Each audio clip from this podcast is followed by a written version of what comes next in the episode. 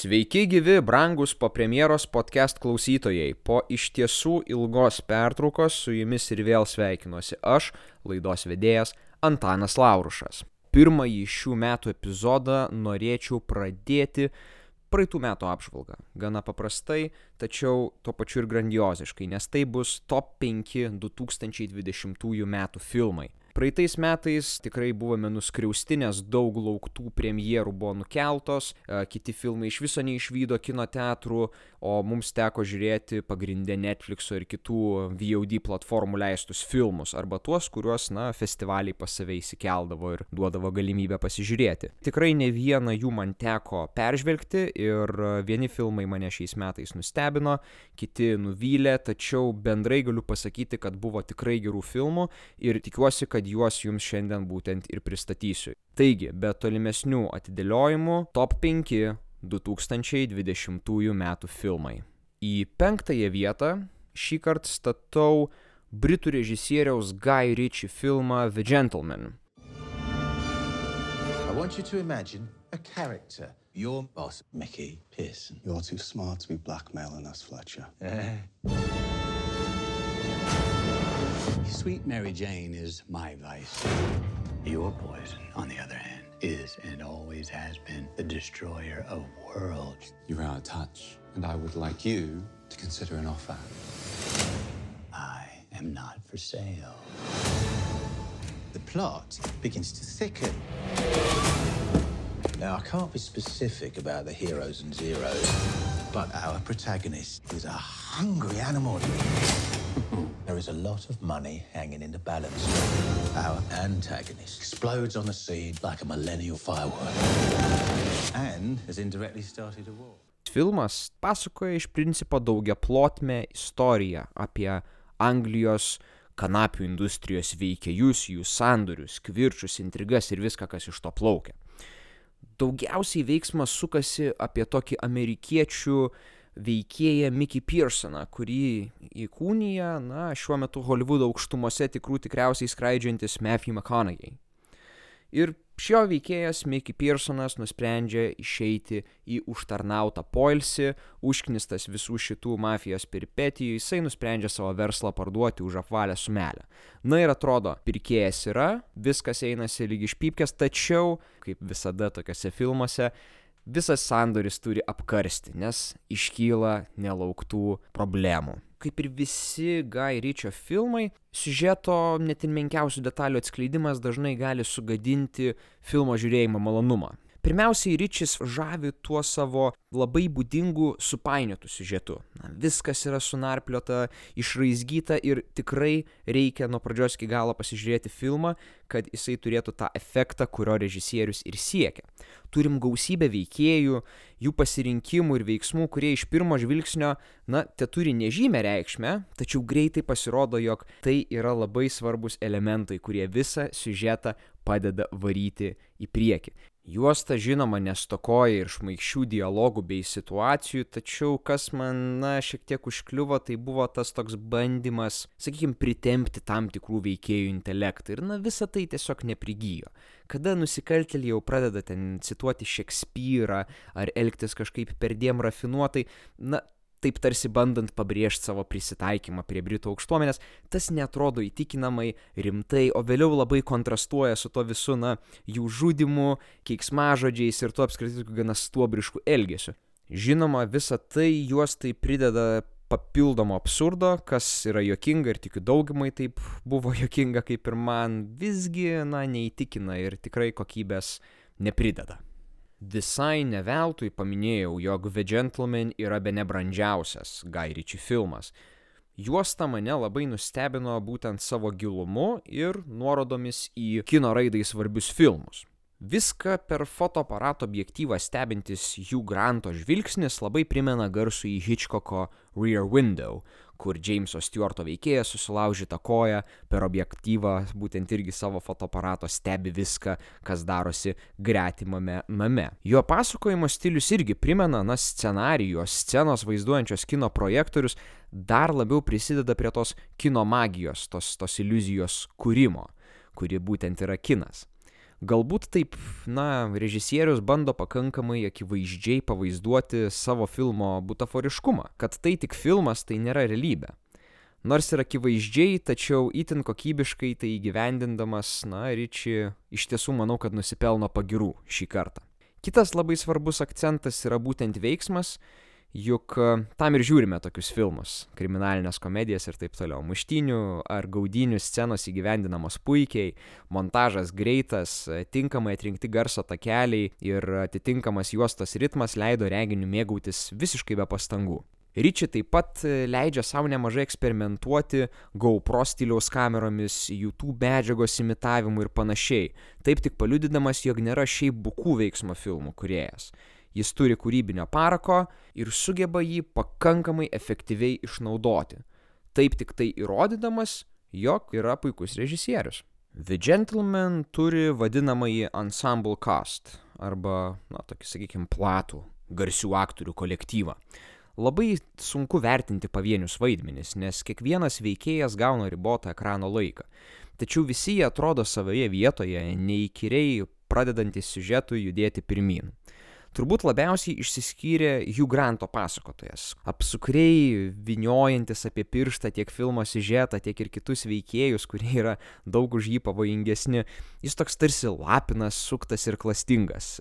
Veida visada puošia draugišką šypseną, tačiau bet kurią akimirką jis yra pasiruošęs pritrenkti tave savo turimais faktais ir keliamais reikalavimais.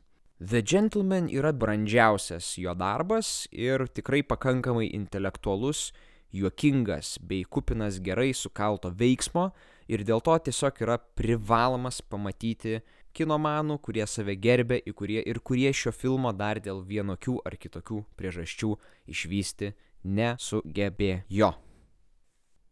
Ketvirtoje vietoje 2020 metais pastatyčiau filmą On the Rocks. Oh my gosh, do you look beautiful. Cliff, how's your mom's hip? Good, thanks. Good. He thinks you're my girlfriend. Grace. Been busy? Yeah. Dean's traveling with clients all the time, and I'm just the buzzkill waiting to schedule things. Just, I'm so stuck. So Dean's going away a lot, huh? On business trips? Dad, Raise your hand if that sounds fishy. he's not like you. He's a good guy, a great dad. Sure, it's nature. Males are forced to fight, to dominate, and to impregnate all females. Hmm.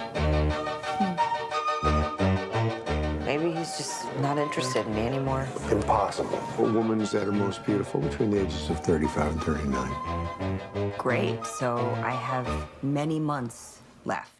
On the Rocks prasideda nuo idiliškai atrodančių Rashidas Jones veikėjos Loros ir jos vaikino vestuvių.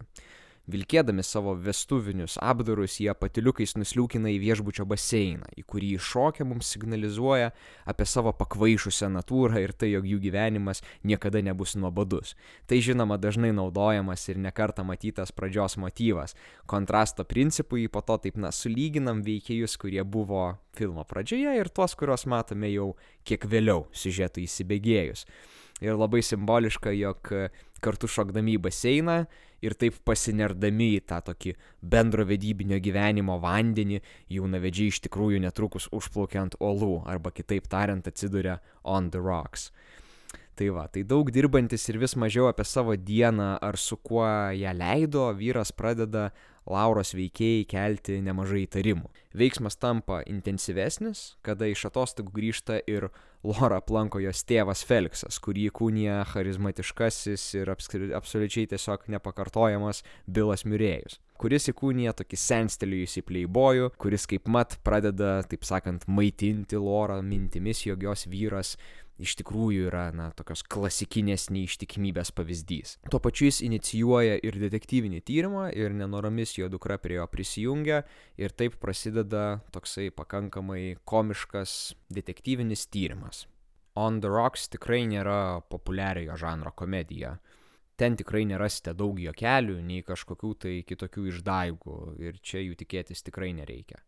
Subtilios komiškos situacijos daugiau atskleidžia pačių veikėjų vidinius pasaulius, jų požiūrį į santykius, į gyvenimą ir apskritai į vertybės.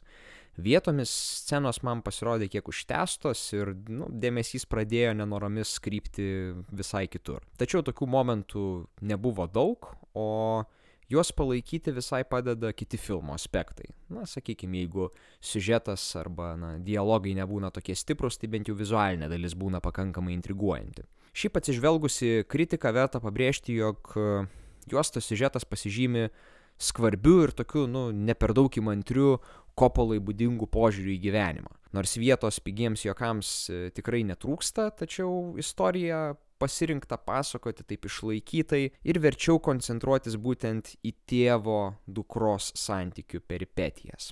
Sofija Kopola visada mokėjo kurti gerą, nepriklausomą amerikietišką kiną. Vien pradedant Lost in Translation ji išmoko pasakoti vienišų gyvenime pasimetusių žmonių istorijas – ir jinai tą puikiai tęsia savo naujausiame filme. Filmo tempas, nors ir pakankamai vidutiniškas ir vietomis gali pasirodyti ištemptas, viską jame gelbėja būtent puikaus scenografijos pajautimas. Nors veiksmas rutuliuojasi New York'e, tačiau miesto panorama taip žaidžiama yra tik tai jungimo principais. Tai nėra taip kaip kokiam Vudeleno filme, kada miestas iš tikrųjų pakankamai svarbu vaidmenį atlieka siužeto vystimuisi. Režisierė šiuo atveju tiesiog pasitelkia miestą daugiau kaip atmosferą, į kurią patalpina savo veikėjus. Pavyzdžiui, na, neriškiose lempų šviesose skendintis barai, klasikiš, klasiškai taip atrodantis kokteiliai ir dangoraižio apartamentuose vykstantis meno kolekcininkų vakarėliai. Visa tai ne tik paįvairina siužetą, tačiau ir prideda, na ir padeda geriau atskleisti pačius veikėjus, kurių du pagrindiniai yra būtent Bilo Mirėjaus Feliksas ir rašydos Jones Laura, būdama pagrindinė veikėja, stokoja kažkokio, na, aktorės asmeninio braižo, kažkokio išskirtinumo. Nėra to, ką e, ar Sandra Bullock, ar e, nežinau, kad ir ta pati Meryl Streep atneša į vaidmenis, kažkokio gyvumo, kažkokio asmeniškumo, kažko, kas tą veikėją išskirtų iš kitų. Dėl to sakyčiau, šioje vietoje surašytos Jones castingu tai įvyko bent jau šiokia tokia klaida, nes noromis ar nenoromis akis visada krypsta į Bilą Mirėjų ir į jo įkūnijamą Feliksą, kuris, na, tokiu savo visišku lengvumu, tokiu be pastangų vaidinimu sukuria tokį aristokratiškumu, žinot, spinduliuojantį tiesiog. Ir uh, veikėją, kuris, na, nesvarbu, ar įtikinėja savo dukrą, kad jos vyras jai neištikimas, ar laido komplimentus per pus už save jaunesniems merginoms, ar taip važinėja su savo naujų telaičių ar Alfa Romeo kabrioletų New Yorko gatvėmis, visa tai atrodo natūralu, todėl norisi žiūrėti ir žiūrėti. Ir nors On the Rocks rutuliojasi apie neištikimybę, juosta iš principo yra apie tėvo ir dukros santykius, tą tokį tarpusavio atotrukį ir besąlygišką norą, kad tau būtų atsiverta, tačiau pačiam likti uždaram ir nepasidalinti savais išgyvenimais. Filmo kulminacija nėra šmaikštus neištikimo vyro prigavimas ar kažkokia didžiulė šventė žyminti laimingą pabaigą. Tai labiau toks abipusis tėvo ir dukros suvokimas, jog vienatvė nėra išeitis, o kad jos išvengtum, turi būti atviras ir empatiškas vienas kito atžvilgiu. Trečioje vietoje atsiduria, na, naujiena iš Hulu, tai yra Palm Springs. Here you are, standing on the precipice of something so much bigger than anyone here. But always remember, you are not alone. I don't think that we met. I'm Sarah. Niles. Hi. Hi.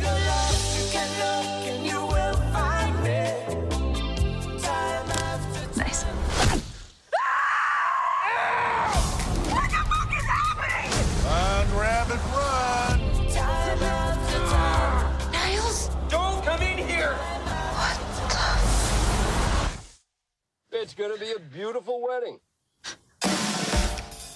Good day so far? Today, tomorrow, it's all the same. You! What is going on? Hey, get out of the water! Guess you followed me. It's one of those infinite time loop situations you might have heard about. That I might have heard about. Tai ne šiaip švilpiko diena ar kažkoksai tai Happy Death Day, tai yra šviežias ir savotišką aurą spinduliuojantis, šiųmetinis, sakyčiau, toks opusas meiliai ir nebanaliems santykiams. Palm Springs pasakoja apie iš pirmo žvilgsnio labai atsipūtusi, lengvabūdišką tokį veikėją Nilesą, kuris dalyvauja savo merginos draugės vestuvėse.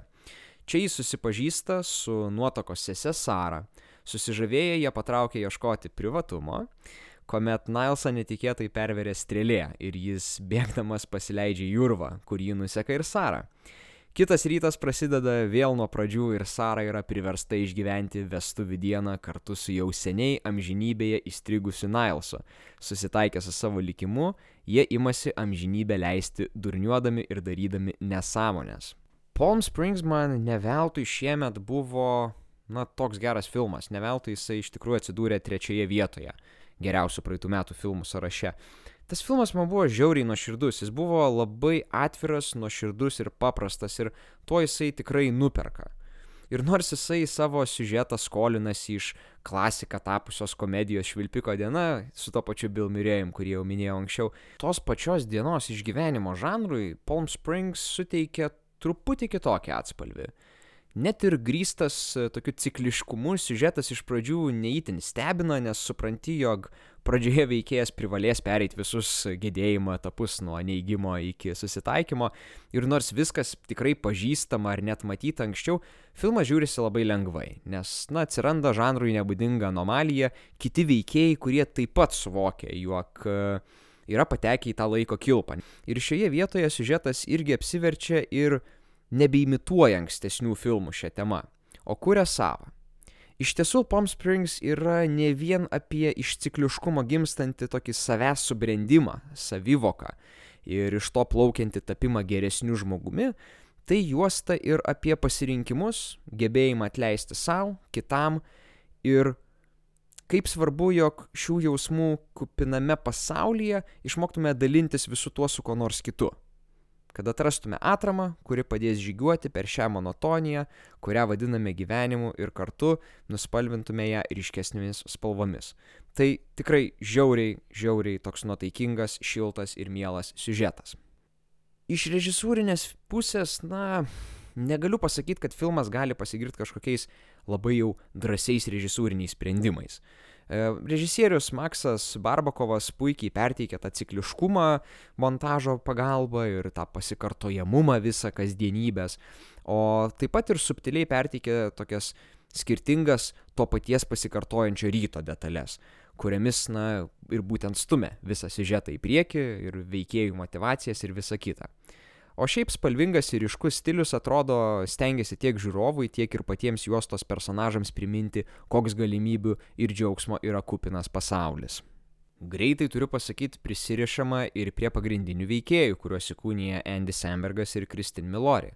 Tai Miloti įtikinančiai įkūnija tokią panikos apimtą ir su realybė susitaikyti neketinančią merginą. Visgi daugiausiai laurų aš matyt duočiau pačiam Sembergui, kuris, na, neretai gauna tokius erzinančius e, veikėjus ir apskritai jo tas stilius toks pakankamai būna užknisantis, tačiau vat būtent Palm Springse visą tai išnyksta ir galima atsipalaidavus žvelgti į tiesiog čilinantį ir su vis besikartojančia kasdienybė susiduriantį Nilesą. Palm Springs nėra tradicinė romantinė komedija. Su savitu humoru susukta juosta kitų kampų pažvelgia į laiko kilpos filmų tokį subžanrą, o tuo pačiu kiekvienam mūsų primena, jog gyvenimas nebūtinai turi būti pasikartojančiai nikus, svarbiausia turėti ką nors, su kuo galėsite drąsiai paįvairinti savo kasdienybę ir jaustis savimi. Antrojoje vietoje atsiduria Another Round arba originalo kalba Druk. men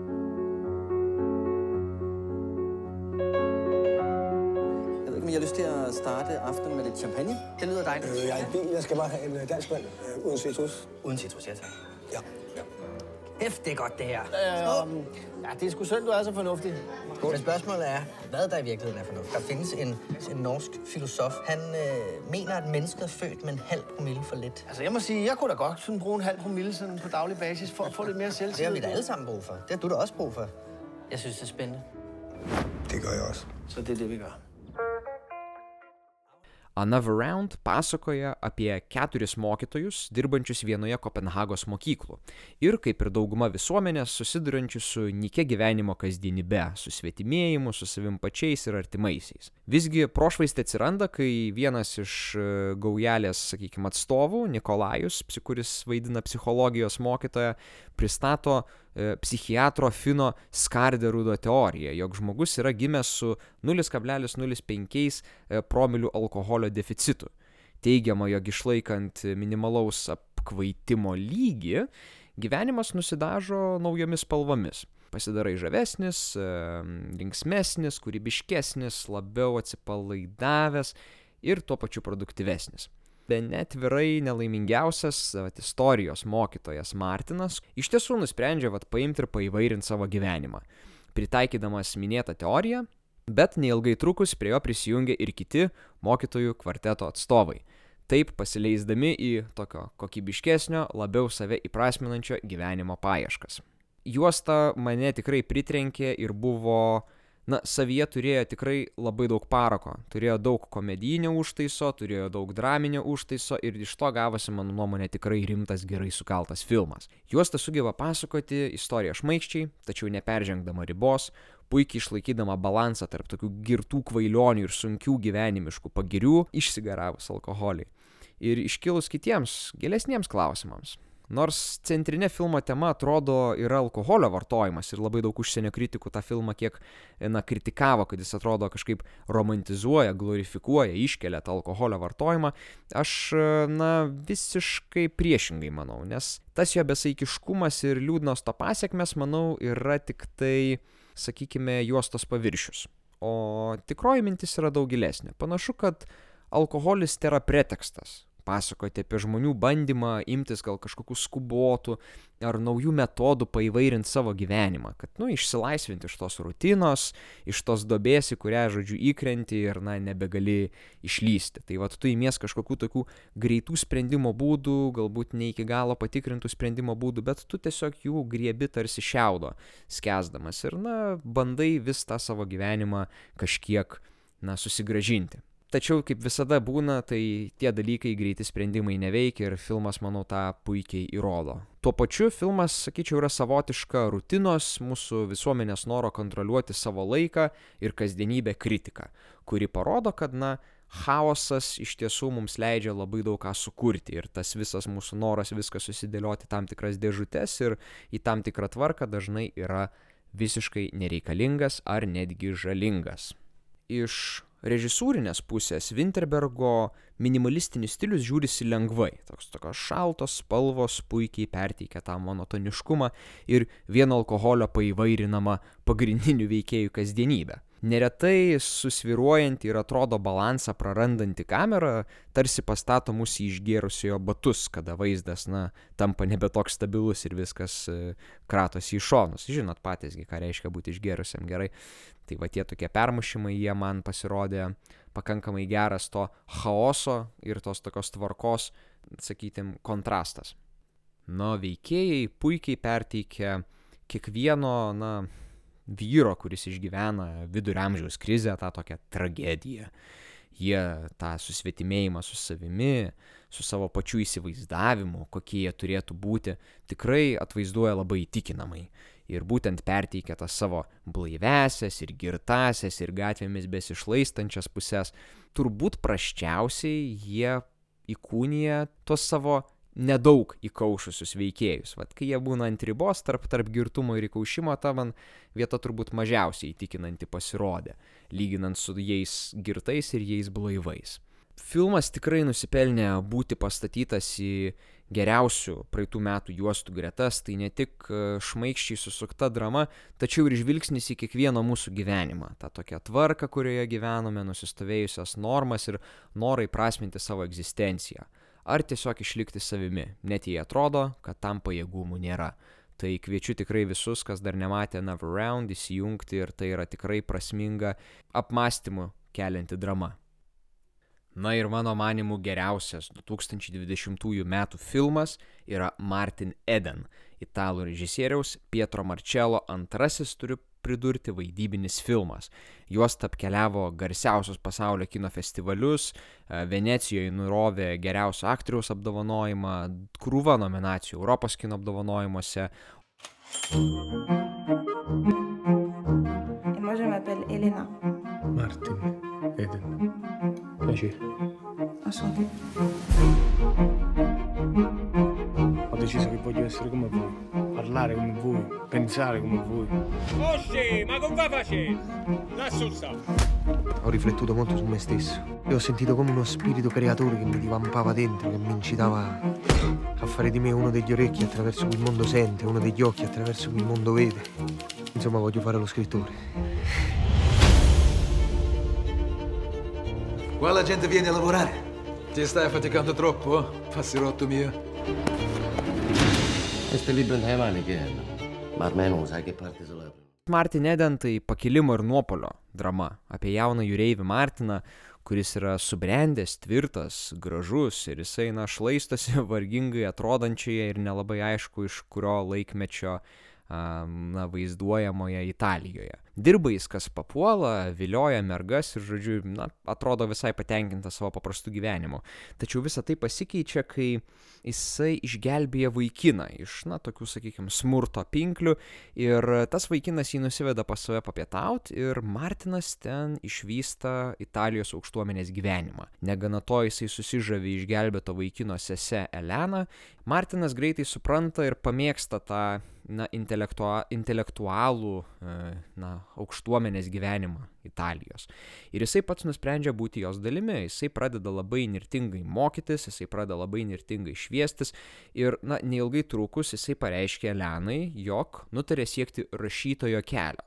Ir žinodamas, jog šis kelias nelengvas, paprašo jos, kad ši jam duotų du metus, per kuriuos jisai spėsęs įrodyti savo vertę ir savo genialumą. Ir būtent siužetas, kuris apriepia tuos du metus ir metus, kurie seka vėliau, ir privertė mane šitą filmą, na, išrinkti geriausiu praeitų metų filmu, mano galva, nes visa tai, kas vyko, buvo tiesiog, na, nepakartojama. Kalbant apie siužetą, tai veiksmas vystosi, na, intensyviai nuosekliai, jeigu taip galima pasakyti. Martino uh, aistra žinioms, visas tas jos, visas to užgimimas ateina visai be pastangų ir atrodo, jog kitaip ir negalėjo net būti. Tas, vat, kad tas kietas sprandis, tačiokas susižavi poeziją ir pradeda vieną po kitos krims knygas, atrodo žiauriai natūraliai. Visi konfliktai atsiskleidžia natūraliai, nes veikėjai apie juos nuolat sufleruojama, todėl nustepti tikrai na, nereikės. Visgi tai geras ženklas, nes na, scenarijaus autoriai su režisieriumi sukūrė tokią deramą istorijos pasakojimo tiekmę, kuri neleidžia nei iš šio, nei iš to atsirasti dirbtinai kuriamiems konfliktams ar kažkiems kitiems siužetą priekin varantiems instrumentams. Žiūrim nebe atsitiktinių įvykių pasiekmes, o nuosekliai sukonstruotą, sukaltą istoriją. Dialogai tarp veikėjų irgi protingi, aptarinėjantis viską nuo na, kūrybos, jos formos, užduoties, kritikos iki na, ideologinių klasių susiskirstimo. Viską apriepia dialogai, tikrai labai plačiai, bet tuo pačiu ir giliai. Kilęs iš na, darbininkų šeimos ir bandantis pakilti į Italijos elitą, Martinas neretai pats priverčiamas yra persvarstyti klasių susiskirstimą ir viso to priežastis. Režisūra irgi mane labai nustebino, jinai galbūt nebuvo kažkokia labai pretenzinga, jinai nebuvo labai eksperimentinė, jinai buvo daugiau tokia klasikinė. Tačiau jinai veikė labai puikiai. Taip neapkrovė žiūrovo kažkokiu labai protingu montažu ar kažkokiais gluminančiais simboliais, metaforom, kaip visi ten mėgsta. Ir režisierius nežaidžia net žanrų, neeksperimentuoja. Tačiau atrodo, kad stengiasi tiesiog įtikinamai ir teisingai ekranizuoti romaną kurio anot paties autoriaus, Džeko Londono, kuris parašė romaną tuo pačiu pavadinimu, panašu, kad dauguma nesuprato. Tai atrodo, režisierius daugiau stengiasi, kad ta žinutė Džeko Londono originali prasimuštų, o ne kad būtų kuriamas kažkoksai tai reginys kino ekrane. Tai kūrė pavyzdžiui darbininkais, trukinėjančiais vaizdais ir archyviniais kadrais, kurie pradžioje atrodo sufleruoja apie tą tokį Martino fragmentuotą, intelekto stokojantį gyvenimą. Žinai, jo tokia kasdienybė, prie pavieniai darbai, dažniausiai jūroje gyvenimas tokių trumpų atsiminimų ir siužetų koležas, neturintis nei pradžios, nei įsimintinos pabaigos. Ir filmo eigoje visa tai keičiasi.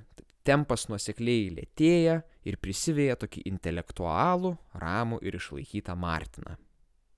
Iš principo žiauriai gerai padirbėjo dailės departamentas, sukūrė tikrai tokį įtikinamą Italijos aukštuomenės ir na, tų na, darbo klasės darbininkų identitetą. O tame labai gerai atsistoja Martinas, su kuriuo mes galim vat, būtent laviruoti tarp tos darbininkų klasės ir aukštuomenės ir matyti, kaip jisai eina iš tos darbininkų klasės link intelektualų ir kaip jisai greitai išmoks visą tai niekinti arba net užmiršti tiek savo praeitį, tiek savo ateitį. Tuo pačiu labai sužavėjo filmo garso takelis. Visos tos dainos, visi tie garso takeliai, kurie buvo naudoti, jie labai papildo kadrą. Nei atima, nei perspaudžia, nei užgožia to, kas vyksta kadre. Tik tai papildo.